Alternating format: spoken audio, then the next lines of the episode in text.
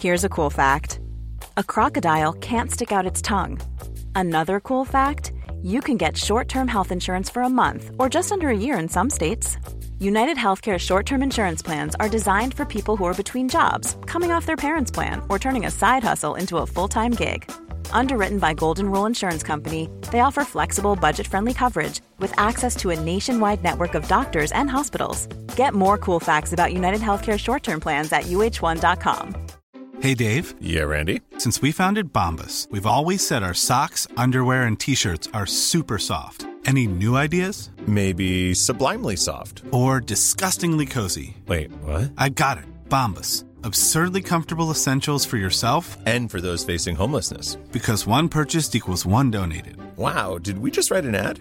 Yes. Bombas. Big comfort for everyone. Go to bombas.com slash ACAST and use code ACAST for 20% off your first purchase. Many of us have those stubborn pounds that seem impossible to lose, no matter how good we eat or how hard we work out. My solution is PlushCare.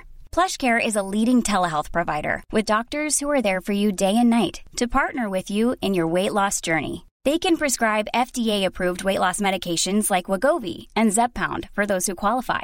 Plus, they accept most insurance plans. To get started, visit plushcare.com slash weight loss. That's plushcare.com slash weight loss.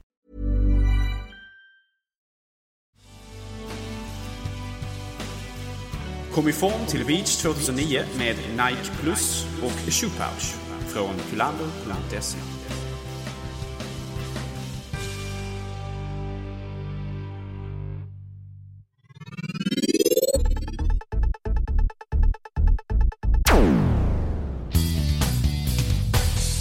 Hej och hjärtligt välkomna till Macradion. Denna underbara söndagsförmiddag spelar vi in, men då lyssnar ni inte ni.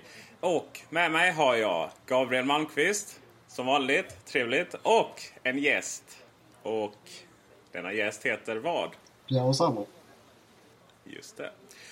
Pierre Sander, 16 år, bor i Bunkeflostrand i Malmö, det vill säga närmast Europa av någon av oss. Och går på Mediegymnasiet i Malmö. Eh, Jag fick lite skäll här för det heter inte Mediagymnasiet. Var ligger Mediagymnasiet då? Mediegymnasiet ligger nere i Västra Hamnen och eh, ligger i en av, eh, en av Dunis lokaler som de delar med.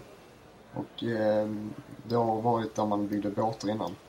Det vill säga, eh, det vill säga Malmös storhet då va? Eh, Storhetstid. Ja. På den tiden som vårt stora riktmärke var en stor kran. kran ja, precis. Eh, Så du har havsutsikt eh, nästan hela tiden alltså?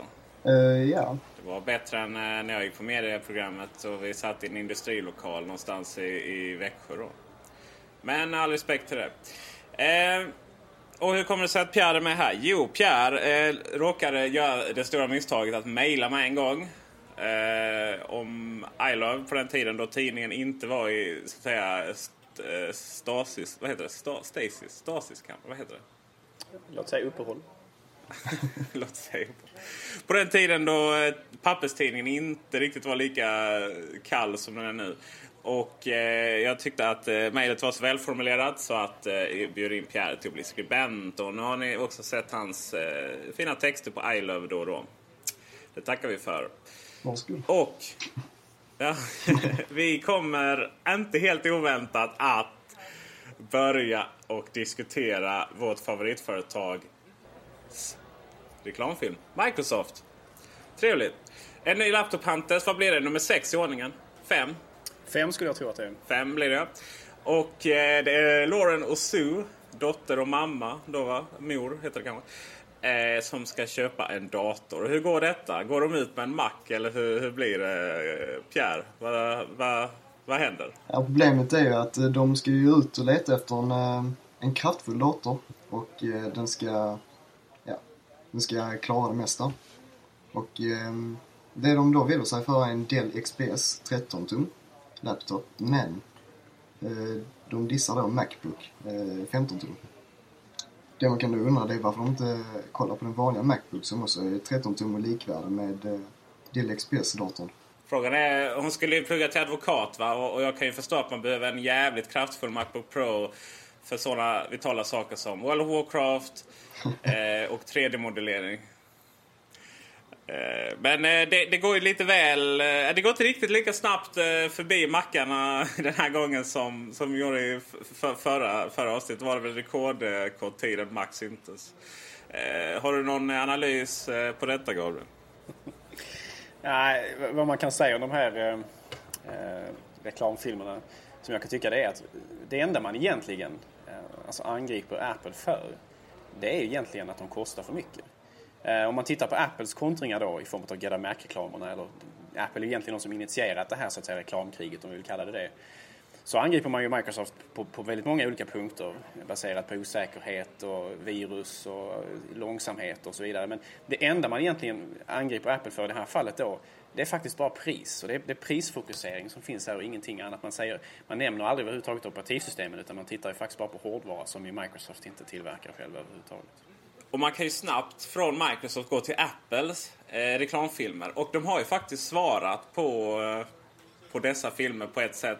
Eller svarat, svarat. Eh, de har ju inte direkt eh, talat om det här prisgrejen då. Men man har ju no- onekligen visat eh, nackdelarna med att köra Windows igen då. Man släppte eh, tre eh, reklamfilmer på de här Get a Mac. Vi har PC och Mac då personifierade i, i skådespelarna. Och eh, man, det det var väl det här med... Ja, den ena handlade väldigt mycket om eh, det här med valfrihet då. Va? Och till slut så valde man så mycket så att det blev ingen PC kvar alls. Den andra var ju om eh, att det kanske är lite jobbigt att eh, prata med eh, Customer Relations när det kommer till diverse PC-företag. Och eh, vad handlar den sista om? Ja, den tredje då försöker då alltså visa på eh, att man initierar ett program i radion eh, som ska låta människor eh, med, med sina krav få veta vilken dator man ska välja helt enkelt. Vilken maskin som passar dem. Eh, och det, och det går ju uppenbarligen inte så bra. Eh, det är också eh, Apples reklam här. Det, de delar ju, det är två lägen lite där. Att man... Antingen gillar man dem och jag, jag tillhör väl ändå någonstans de som tycker de är rätt roliga. Och roligt går bra. För att allting är lite en, sådär... Ja. Det är inte dödsallvarligt liksom. Men det är lite som en lillebror som ska pika. Sådär va. Sin stora syster eller vad jag ska säga. Och eh, det är lite med glimten i ögat sådär. Så jag har absolut inga problem med det. Och sen finns det de som tycker det är jättelöjligt då att man bashar Microsoft. Vilket, ja det kan man ju förstå. Vi själva tycker det är jättelöjligt när Microsoft bashar Apple. Men det är som du har nämnt innan Gabriel. Man får ju slå uppåt men inte neråt. Och än så länge så kan man väl säga att Microsoft är något större än Apple. Ur både, vad kallar man det, fysiskt och mentalt. Ehm, men eh, har ni några åsikter där? Nej, egentligen inte. Men det är ju jäkligt underhållande att eh, reklambyrån som eh, gör reklamerna använder ju mackar själva. På Microsoft ja, ja just det. det är det klassiska ju. Så har det i princip alltid varit. Alltid när Microsoft släpper någon reklam, eh, oavsett om det är video eller om det är tryck eller vad det var, så är det alltid någon som letar fram och, och hittar den här liksom, reklambyrån och visade sig att de använder Macintosh ändå. Men eh, det kan man nog inte säga så mycket om därför att det är väl i princip standard Macintosh att man använder det på reklambyråer. Och om Microsoft skulle välja reklambyråer efter vilken plattform de valde eh, Eh, att arbeta på så hade de förmodligen haft ett väldigt, väldigt litet eh, utbud att välja mellan och kanske inte hade fått välja bland de bra reklambyråerna heller. Så att det kan man väl egentligen inte. Men visst, lite, lite ironiskt kan man ju tycka att det är. Man kan ju också tycka att ett sånt företag skulle eh, kunna ställa vissa krav. Liksom. Men det är inte bara det, utan även Microsofts inhouse-byrå använder ju mackar. Har vi ju sett då, va? lite spionbilder. Vet jag inte hur det är nu. Och det är ju... Det är ju intressant eh, någonstans när man hör argumentet att det, att det bara är en myt att ma- eh, Mac skulle vara bättre i kreativa sammanhang och så vidare. Jag menar, i, ja, att, att Macen bara skulle vara bättre i kreativa sammanhang må ju vara en myt. Men att den är ju bättre rent generellt. Så då är det klart att den är bättre i någon Det har sammanhang. funnits andra sådana här situationer också. Exempelvis tror jag det var när, när Microsoft skulle börja utveckla till, eh, till eh, Xboxen. Var det så? Ja, just det. Power Mac eh, G5 var det väl de använde. Man köpte väl in, ja precis, man köpte väl in Power Mac-maskiner då och använde sig för utvecklingen. Eller minns jag fel där? Nej, jag tror du har rätt där. De eh, hittade till och med en bild på alla eh, mackar de hade köpt in. Och då uttalar ju Apple sig att, eller Microsoft att de, eh, de hade likvärdig prestanda så eh, de tyckte det var ett bra alternativ att bygga på. Så var det givetvis. Eh, PowerMac G5 var ju egentligen den enda stationära PowerMac, eller PowerPC-datorn som fanns. Och utveckla på. Och i och med att Xbox 360 är baserat på PowerPC-processor så var det ju enklare. Det är faktiskt intressant att alla tv-spel idag är eh, baserat på PowerPC-processorer. Vi har Nintendo Wii som ju väl är väl någon G4-historia tror jag. Vi har eh, Xbox 360 som är ja, baserat på samma som G5 var. Och så har vi eh, cellprocessorn i PS3 som är också är baserad på PowerPC-teknologi. Eh, Cell som var den stora framtiden men som vi inte riktigt har fått se så mycket av. Inga som har raidat 3 miljoner PS3 med brödrosten än så länge i alla fall. Det gick inte så mycket framgång heller med att installera eh, operativsystem på eh, PS3 heller. Nej, verkligen inte. Eh, Det var väl, eh, det är väl någonstans att Sony, det är så jävla typiskt. Vi, vi, har, vi är kända på, i det här programmet för att inte riktigt gilla storbolag. Eller ja, vi gillar storbolag för vi är hyperkapitalister. Men... Så länge det är ett äpple på det så... ja, precis. Eh, Men just liksom, det här med att ta dumma beslut. Vi pratar... Och i just detta fallet så var det att man kan alltså inte använda 3D-motorn i- om man installerar Linux på en PS3. Detta då för att man inte vill att man ska installera Linux och så kommer det en massa spel och så vidare. Men eh, ja, resultatet blir att ingen använder det. Nåväl, tillbaka till Apple. Kommer iPod Touch och iPod Nano att få kamera? Pierre? Jag tror att ehm, det kan vara så, men själv förstår jag ju inte innebörden av det då det egentligen är ju bara en MP3-spelare i grunden. Ja, jag är väl någonstans där mitt emellan då. Eh, Då får väl du säga helt nej då Gabriel. Jag, jag, kan ju ty- jag kan ju tycka att touchen kan ju helt klart få en kamera. Eh, därför att det som bör skilja touchen. Touchen kan ju vara i och för sig eh, rätt bra. Ja precis, men nanon däremot kan ju kännas lite si och sådär. Men det beror lite grann på hur nanon kommer att se ut i framtiden. Med den lilla skärmen den har nu så kanske det inte är så. Men vem vet om nanon kanske får eh, touch display eller vad, vad, vad som kommer hända. Vi vet ju inte hur den kommer att se ut. Det kan ju vara tänkbart då att eh, en kamera kan vara mer relevant. Men som, som nanon ser ut idag med den lilla skärmen och, och det sättet att man liksom hanterar den, den apparaten så känns det kanske inte riktigt som, ett, eh, ett, eh, som, som framtiden just då.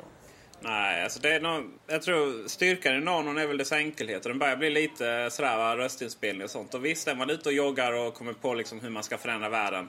Då kan det vara bra att få spela in någonting. Men hur många gånger händer det och så vidare. Så jag, jag hoppas Apple faktiskt stoppar lite där och inte hoppas att Nanon ska på något sätt eh, konkurrera ut mobiltelefonen. Men nej, jag tror faktiskt inte det. Det, det finns ju ingen som helst det finns ingen som helst logik att sätta in en sån i, i Nano faktiskt. Touchen är väl självklart egentligen. Men eh, snart kommer touchen vara en hel iPhone. Jag menar eh, så fort eh, det finns trådlöst nätverk precis överallt och man använder Skype då. Det är en intressant utveckling att se hur man ska, ta, hur man ska kontra de sakerna för att inte iPhone och iPod Touch ska gå ihop allt för mycket. Man kan ju alltid fråga sig varför liksom inte eh, iPod Touch hade kameror från början. Men det är väl ett sätt som Apple har ju det här artificiella, eh, att man artificiellt begränsar vissa saker trots att det kanske inte hade kostat speciellt mycket mer att implementera det. Så gör man artificiella begränsningar i produktlinjerna för att kunna separera dem och hålla vissa prisstandarder och så vidare. Och det är en sak som skiljer touchen då från iPhone, förutom möjligheten att ringa, det är att möjligheten att kunna ta kort. Men å andra sidan så har man ju mer möjlighet att få extra minne i, i iPod Touch. Så du, du kan ju köpa den i 32 GB idag och i framtiden så kommer du kunna köpa den i 64 och så vidare. Så att man har ju olika sätt att segmentera de här marknadslinjerna som man, och det har man ju även gjort vad gäller datorer och så vidare. Vi har ju klagat tidigare på att det finns uppenbara det finns begränsningar i datorlinjen som egentligen inte verkar logiska sett ur liksom ett kostnadsperspektiv. Därför att Apple, det kostar inte Apple mycket mer att implementera vissa saker bakgrundsbelyst tangentbord exempelvis. Varför finns inte det i alla Macbookar? Jo, det är ju ett sätt att man kan ha, ha högre pris på Macbook Pro än tidigare och den största Macbooken än idag. Japp. Eh, Pierre, vad har du för iPodar? Jag eh, har för tillfället en Nano G1 och eh, sen har jag ju min iPhone. Just det. Jag eh, har ju, har ju också en iPhone och sen så Sen ger jag alltid... Jag adopterar alltid bort min iPod där till min sambo. Så hon blir glad. Hon har väl ett gäng.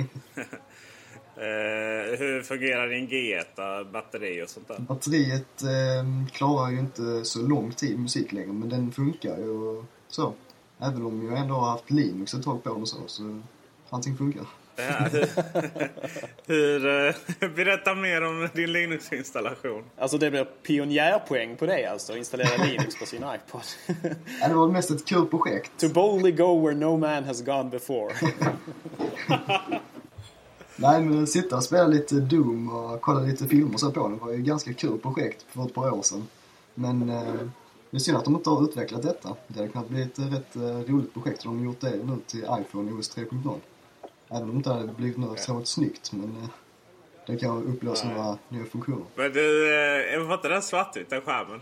Eh, på Nano G1. Eller menar du iPod Ja, Linux? ja, iPod G1, var det färg på den skärmen? Eh, ja, den Nanon hade färgskärm. Ja, just det. Och Linux då? Jag, jag tänker hur, hur, hur snygga blev filmerna? Eh, Ja, de funkade, men eh, det var ju ett jäkla problem med Codex och få allt att funka ju. Så Ja. det var ju nästan i princip oanvändbart. Men det gick! På tal om sådana här galna projekt så är det ju, det var, det var ju inte så länge sedan som det dök upp eh, filmfiler där de visade folk som hade emulerat gamla Mac OS Classic på eh, iPhone så att man kunde starta upp den här riktigt gamla versionen av eh, Mac OS. Eh, det är ju verkligen lite speciellt också och där använder man då swipe-funktioner för att göra vissa saker i programmen och så vidare. Ja, och då kommer vi helt naturligt till eh, frågan om bakgrundsprocesser i eh, iPhone 3.0. Rykten, dessa rykten. Eh, någonstans har väl någon kommit fram till att Apple kanske kommer att eh, möjliggöra att vissa program kör bakgrundsprocesser i iPhone. Och det är väl, det är väl möjligt, tror jag. Det är väl ganska...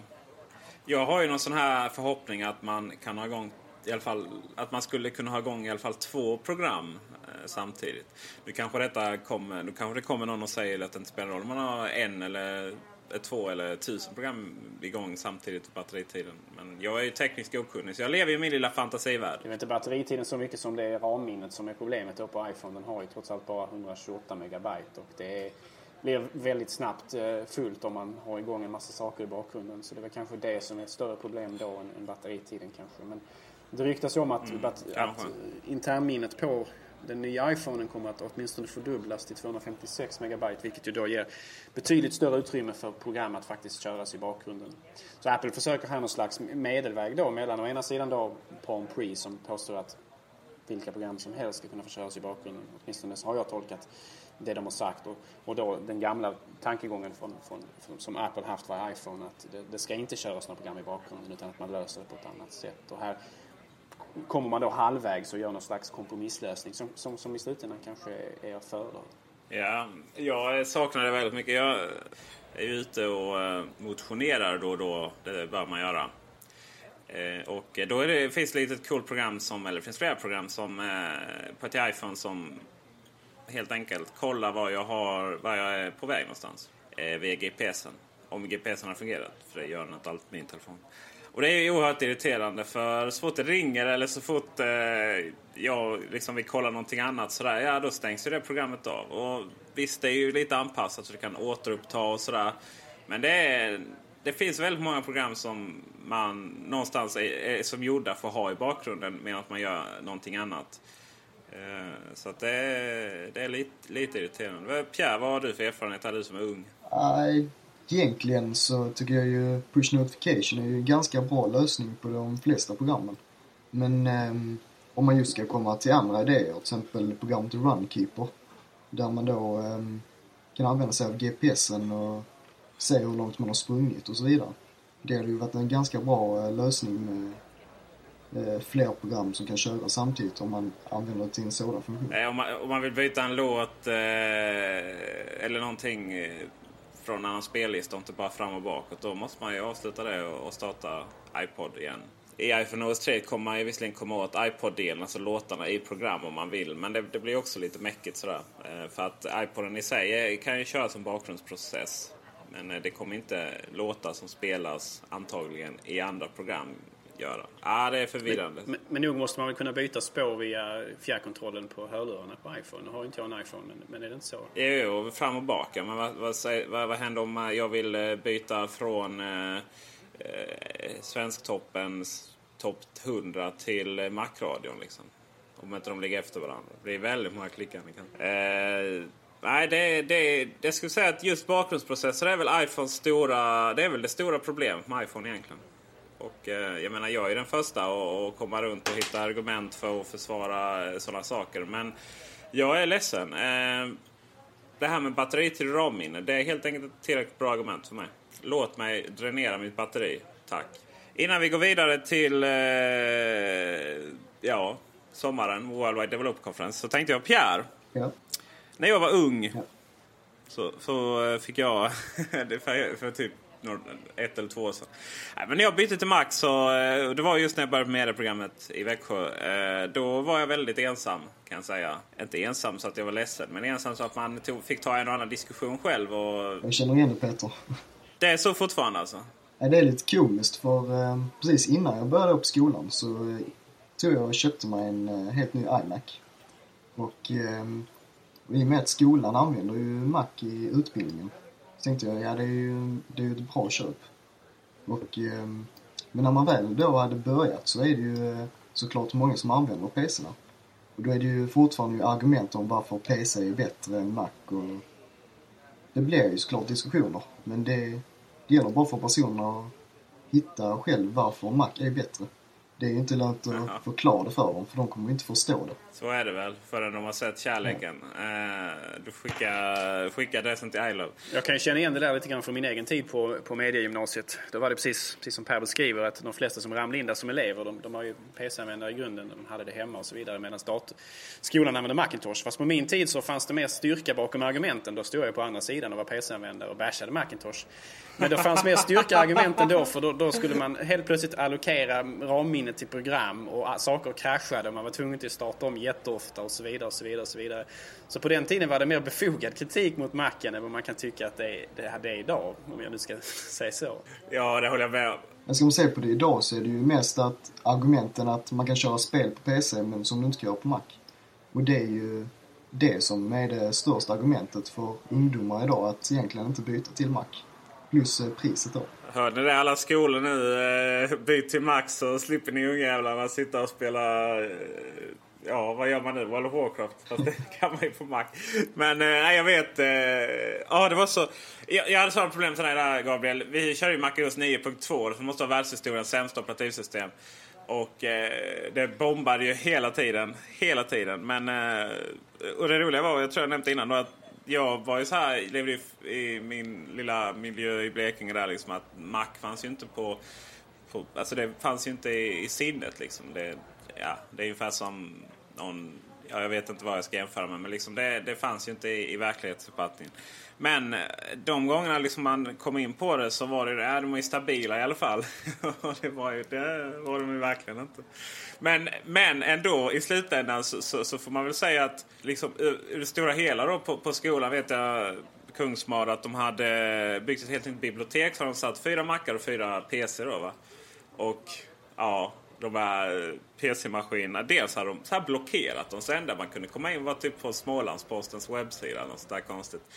Bara det var ju hemskt pedagogiskt. Så, sånt gjorde de inte på mackarna. Och de, men i vilket fall som helst, de, där, de här Wintel-maskinerna de gick sönder rätt snabbt. Och iMacarna, jag vet en gick sönder fan någon överhettningsproblem med en liten iMac i slutet av trean då. Vet jag. ju. Men i övrigt så, så, så funkade de. Eh, och det var ju likadant sådär va, på när vi gick på, eh, hade våra mackar på eh, olika salarna med programmet så användes de ju till det de skulle användas till. Jag menar, det var ju skitkul att redigera film och så vidare. Va? Men eh, sen så vet jag, jag gick någon kurs i e-handel eller något sånt där. Och eh, då fick vi sitta bland eh, eh PC-datorerna i någon datasal. Och de var helt nedlusade med så här Quake och, och allting sådär. Så, Jo men det är just så det har blivit. De enda datorerna som är användbara på skolan det är ju mackarna. PC-datorerna de blir ju liksom överrustade med spel. Och det är ju, ja, det har bara blivit så. Ja visst, och, och man kan ju anta att det finns andra saker med de här, eh, kommer med spelen då, virus och annat roligt.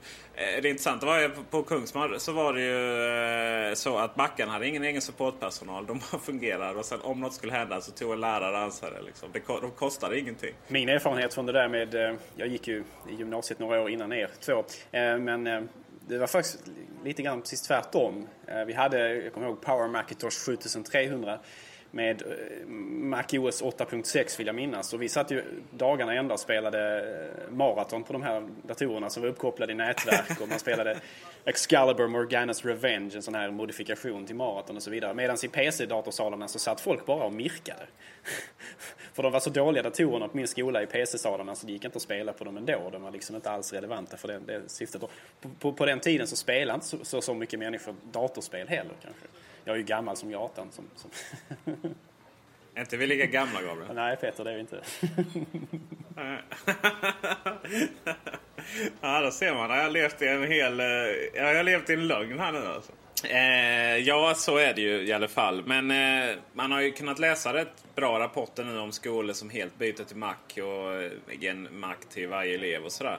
Och förhoppningsvis så kommer väl det även till, eh, ja, till media gymnasiet i Malmö och alla andra skolor i hela stan och resten av världen. En annan rolig sak eh, på detta nu, det var att det var en eh, skola eh, i USA som nu hade valt att alla eleverna på skolan kanske behövde en iPhone för att kunna gå på skolan.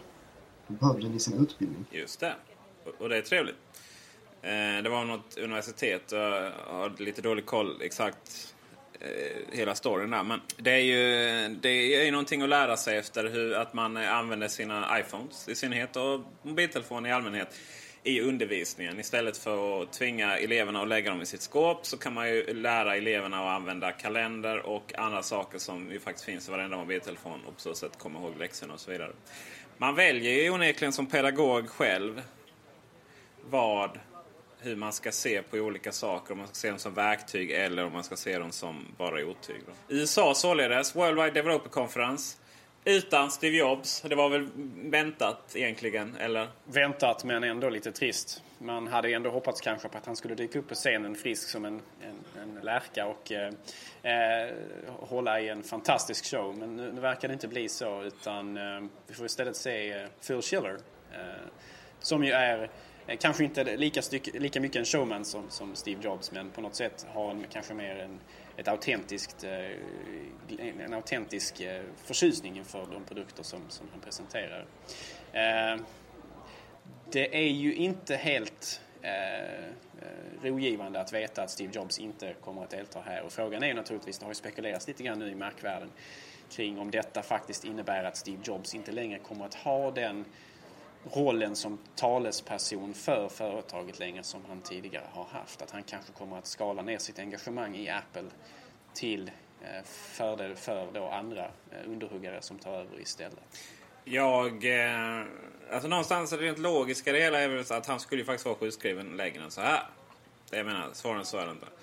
Men eh, jag vet inte om det är min, min logiska analytiska sinne eller bara att jag är lite rädd. Men någonstans så misstänker jag precis det att eh, vi har fått se Steve Jobs, det bästa av Steve Jobs helt enkelt. Men någonstans så behövdes han de här, vad blir det? 12. Ja, just det.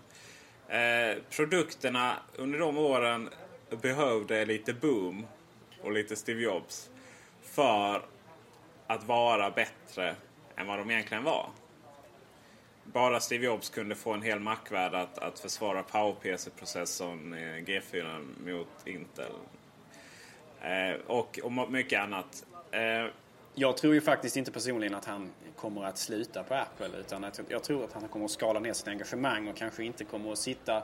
Han kommer framförallt inte kanske hålla i keynotes längre därför att keynotes Alltså det är inte, vi ser ju bara en timme på scenen med Steve Jobs eller en och en halv timme och sen är det inte mer med det. Men i, i bakgrunden ligger ju många dagar och kanske veckors förberedelser med planering och man kör repetitioner och så vidare. Och det, det är mycket som ska göras inför just en, en, en, en sån, ett sånt här framträdande. Så att det, det, jag kan förstå om han inte orkade den här gången och jag kan förstå om man kanske inte vill hålla i fler i framtiden heller. Men jag hoppas ju verkligen att Steve Jobs kommer att finnas kvar på Apple som åtminstone eh, smakrådgivare och, och som liksom strateg. Alltså så att han arbetar i bakgrunden med den mer övergripande strategin för Apple även i framtiden. För där har han ju verkligen liksom mycket att ge än, tror jag. Eh, Medan han kanske då kan släppa på showmanship-rollerna. Man kanske kan släppa lite grann. Han kanske inte ens behöver vara eh, chefen, alltså CEO längre. Utan han kanske kan överlämna många av de här rollerna åt andra människor inom företaget. Nej, men precis. Eh, Jag, jag är helt på din linje. Och just det jag skulle säga var att eh, just nu är produkterna så pass bra att de behöver inte så mycket boom. Utan de behöver bara presenteras på ett trovärdigt sätt. Eh, Pierre, har du någon åsikt? Jo, jag håller alldeles med också. Vem vet hur um, Apple blir utan Steve Jobs. Förmodligen lever det ju vidare, men det är något som återstår Ja, de lär inte dö platt fall i alla fall. Eh, vi, har, eh, vi har en eh, korrespondent i, eh, i San Francisco under den tiden. Får se eh, vad vi kan göra för roligt med honom. Frågan är nu, det går ju, rykteskvarnen har ju verkligen satt igång och, och det är sådär, kommer vi få se, det, det är någonting om att ja, det kommer inte visas nya iPhones då och, utan det kommer visas i samband med, med ett senare tillfälle och med Steve Jobs. Då är väl någon som har kommit fram till Eh, Sanningen är, sanningen är nog att inte ens Apple liksom vet hundra där eh, kanske. Det är ändå ett tag till och, och mycket kan hända med utvecklingen. Men ska det, ska det komma en ny iPhone med ny specifikation då är det ju konstigt att man inte visar upp den på utvecklarkonferensen. Det känns ju väldigt ologiskt i så fall. Man har en utvecklarkonferens, man diskuterar massvis med saker och sen någon vecka efteråt så kommer det en ny modell med Ja, vad är det nya? Man, I och för sig, man pratar om en inbyggd eh, kompass då, men det är väl det enda som stora. Det har ju släppts lite specifikationer som visar att det inte blir några stora nyheter. Och rykten som handlar om att det inte blir så stora nyheter brukar ju faktiskt vara sanna. Vi får väl se, men som du säger, det verkar ju konstigt om man inte släpper den där med tanke på att man behöver kunna prata om iPhone eh, och eh, plattformen väldigt mycket på den här konferensen därför att väldigt många av de, de närvarande kommer helt enkelt att vara iPhone-utvecklare. Eh, VVDC har ju en gång i tiden varit huvudsakligen Mac men så är det ju inte längre utan iPhone har ju väldigt stort inflytande och väldigt många av de som är där är där enbart på grund av iPhone och iPhone-plattformen. Så att, eh, jag tror nog att det kommer att visas upp. Om ny hårdvara kommer inom det närmsta så kommer de att dyka upp på World Worldwide Developer Conference helt enkelt. Eh, så är det. Pierre, har du någon favoritkaraktär? Eh, Phil Schilder, vad heter han? Fos, vad heter han? Scott Forstell va? Scott Forstall. Scott Forstall skulle jag nog ehm, ta som min favorit då. Phil Schiller tycker jag nog har blivit lite så, eh, ja, det var väl inte så jäkla kul eh, den förra eh, presentationen precis. Macworld tänker du på? Ja, det var Macworld. Ja. Nej, jag tillhör ju de som kanske inte var så besviken som alla, många andra. Då, men så är jag sån iLife-sucker också. Uh, ja, jag, ja, Scott är väl... Han är svår att inte ha som favorit. Eh, sen har vi det här med VD-frågan då. Jag, uh, eh, jag kan säga att under den här diskussionen har jag kommit fram till att uh, om Steve Jobs, eller när Steve Jobs trappar ner så då är det, det, då är det nog Phil Schiller helt enkelt som blir VD för företaget. Tror ni inte det? Det kan mycket väl stämma.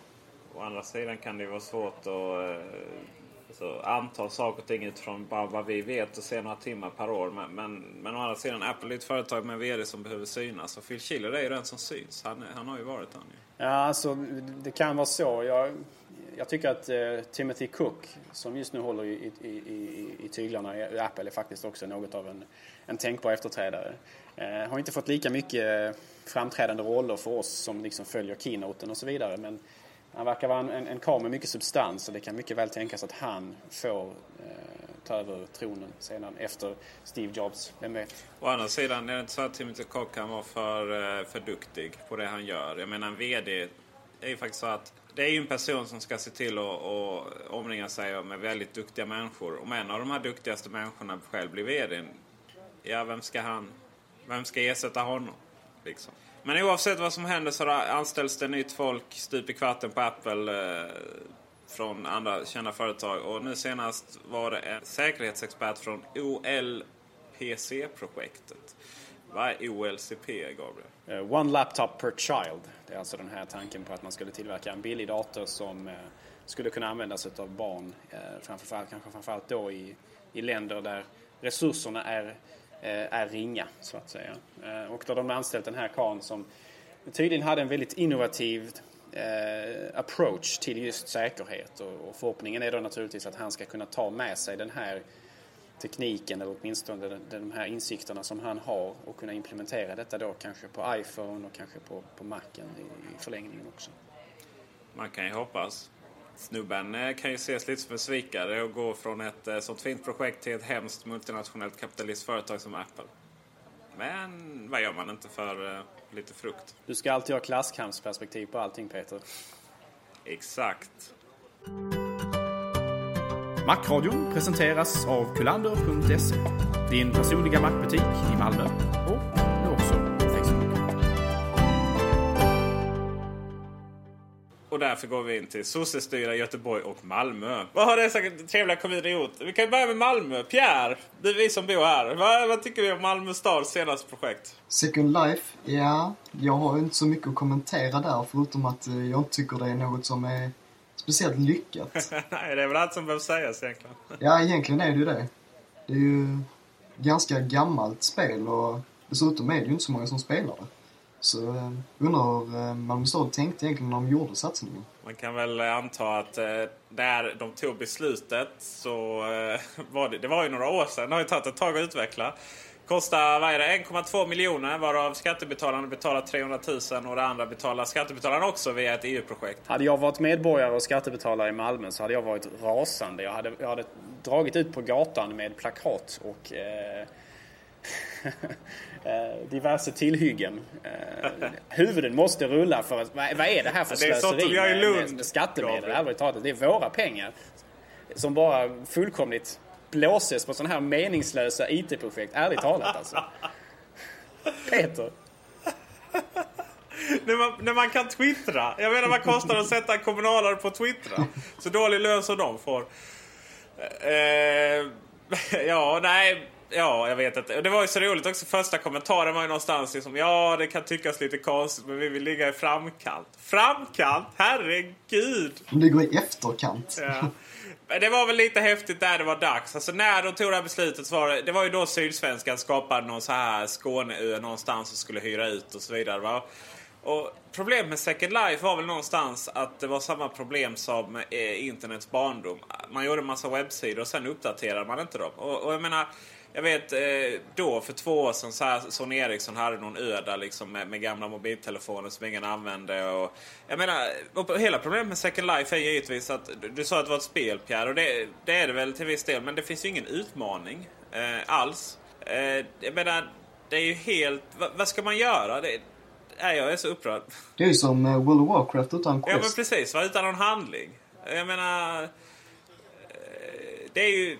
Alltså, det ja, sociala medier är ju jävligt hett idag. Men sociala medier handlar ju om... Dels att det handlar om att, vara, att man ska kunna vara social med någon. och är det en spelare så är det svårt. En roliga med ehm, det är också det att vid invigningen var det ju 42 personer och två av dem var ju nakna. Så man undrar egentligen hur eh, pass mycket, ja, Ja, nej men precis. Va? Det, det, krävs någon att vara social med. Eh, och och eh, hela, hela framgången med sociala medier är ju att man kan hålla koll på sina vänner och ovänner. Och bekanta och helt okända människor, inklusive lite semikändisar och sådär. Samtidigt som man gör annat. Det är det som är styrkan i det. Man har sin eh, Facebook i bakgrunden, man har sin Twitter och sådär. Va? Och så har man lite koll. Eh, det funkar inte att dra upp en helskärm skärm i ett spelliknande sak bara för att liksom se hur Malmö stad... Alltså det finns inga poäng någonstans med det. Eh, men som du mycket riktigt påpekade på Isle där Pierre så har de en mack med i bibblan i alla fall. Till skillnad mot verkligheten då. vilket de inte har i den riktiga Malmö stad. Just det. Ännu i alla fall. Ja. Vi får eh, jobba på det där. Göteborg är inte lika eh, farligt ute, men de är också sådär, tycker jag, använder lite dålig teknik. Eh, det är nämligen så att de slog på stora trumman nu att The Cloud, som är en sån här wifi-operatör som är känd, man brukar se dem på centralstationer och järnvägsstationer och sådär. Eh, de ska bygga ett trådlöst nätverk i hela centrala Göteborg innanför vallgraven. Och eh, saker som Stena-terminalen, universitetet och Avenyn. Eh, och då är frågan, hur hett är ett trådlöst nätverk egentligen? Ja, det är ju det. Personerna som väl har internet, de har ju kanske redan anslutningar. Antingen via ett eh, 3G-nätverk eller om kanske via telefonen. Ja. Och eh, då sätta ut ett wifi-nätverk, det är ju... Om du ska då sitta i en laptop i en park med wifi-nätverk, det vet man ju liksom inte hur pass bra det fungerar och hur pass stabilt Jag har en viss skepsis i er röst här. Men jag kan å andra sidan tycka att det är lite applåderat ändå att man har de här ambitionerna. Långt mycket bättre än att impl- implementera Malmö i Second Life i varje fall. Därför att, som vi pratat om tidigare, ett trådlöst nätverk kan ju vara användbart exempelvis för en iPod Touch-användare som kan skypa och så vidare. Så att vissa fördelar finns det väl ändå och sådär. Att till, tillgängliggöra sånt här. I min hemstad Helsingborg så finns det ju vissa sådana här liksom hotspots där det finns ett eh, allmänt tillgängliga nätverk. Exempelvis i parken som omger stadsbiblioteket och så vidare. Och det är en del människor som sitter där ute framförallt på soliga dagar och njuter av vädret samtidigt som man använder fri internetåtkomst och så vidare. Och allt fler människor som skaffar sig eh, iPhone så kommer det vara ännu mer tillgängligt. Man inte behöver släppa med sig en stor dator och så vidare. Så att, jag kan ju tycka att det är ett betydligt... Jo, det du säger stämmer ju ganska bra. För eh, ja, har man ju då inte en anslutning redan så är det ju en väldigt bra funktion att kunna ansluta. Men problemet är att det här är inget stadsnät på det sättet utan att det är ett kommersiellt nätverk. Och vad kostar det? 70 spänn timmen liksom. Då är det fan billigare att leta upp en telefon. Är det de taxorna vi pratar om? Är det så dyrt verkligen? Ja, en timme surf kostar 60 spänn. Tre timmar kostar 90 och 24 timmar kostar 120 kronor. Eh, och eh, lite billigare faktiskt om man betalar via sms. var lite konstigt. Men det som är lite häftigt är att The Cloud, så vitt jag vet, är partner till Telenor. Så har man en iPhone med Telenor-abonnemang så har man nu också tillgång trådlöst till The Cloud faktiskt. Så det kan ju vara lite häftigt. Men Göteborg säger jag, jättebra idé att täcka hela, hela staden med wifi. Men eh, det är ganska omodernt att det faktiskt ska kosta. Sen är ju också frågan naturligtvis eh, rent tekniskt. Hur är det med täckning och så vidare? Jag kan tänka mig att om man går på, på liksom stora gator och så, så det är kanske inga problem. Men hur är det om man går in i en offentlig byggnad eller om man rör sig i skumma gränder och så vidare? Hur, hur är täckningen då liksom?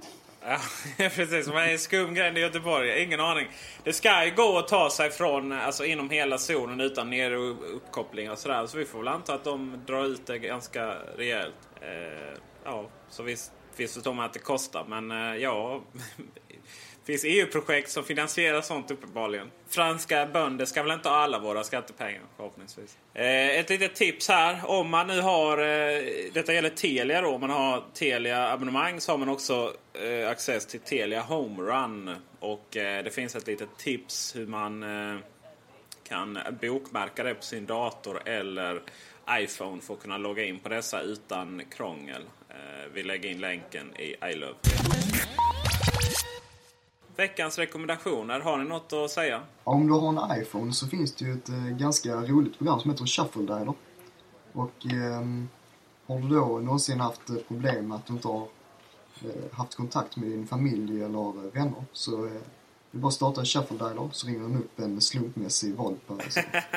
det är ju det är ju som en eh, iPhone, ja, iPhone Shuffle helt enkelt. Jag har nog gjort många parodier på det. Har du använt detta Pierre någon gång? För övrigt undrar jag. Eh, jag har använt det, men eh, personen som den ville, upp, eh, ville ringa upp, då jag tog och stängde ner programmet. Det kan vara ett lite pinsamt program att använda om man är en sån som samlar på sig mycket nummer ute på stan när man är ute och festar och så vidare. Och så plötsligt ringer upp människor som man inte har en aning om vad de verkligen, varken heter eller i vilket sammanhang man lärt känna dem. Kan man ange vilka nummer den ska slumpa mellan? Eh, den, jag tror att den bara väljer en mellan eh, kontaktboken och sen har du ett par sekunder på dig innan den ringer upp numret. ja, varför inte? Eh, själv testade jag Bubba. Och eh, jag kan säga att jag svor rätt högt igår över denna produkt. Eh, Bubba är en liten eh, nätverksserver helt enkelt. Man kan säga att det är en dator i en väldigt liten förpackning utan skärmutgång. Eh, och så är det ett webbgränssnitt där man då kan ja, lägga till användare, lägga in torrenter, ladda ner filer uppåt upp och ner. Uh, ja, man kan använda som mailserver. Man kan, lägger man musikfiler i musikmappen så hittar iTunes dem. Ja, det mesta helt enkelt. Uh, sen är det Linux i grunden. Så att man kan aktivera SSH på terminalen och sen kan man riktigt hacka iväg. Eh, jag ska skriva en lång och härlig recension till den vid ett tillfälle. Men än så länge har jag testat den en dag. Igår svor jag något så extremt för att jag kunde inte göra någonting. Fram till det faktum att jag kom på vad rotlösenordet var på den.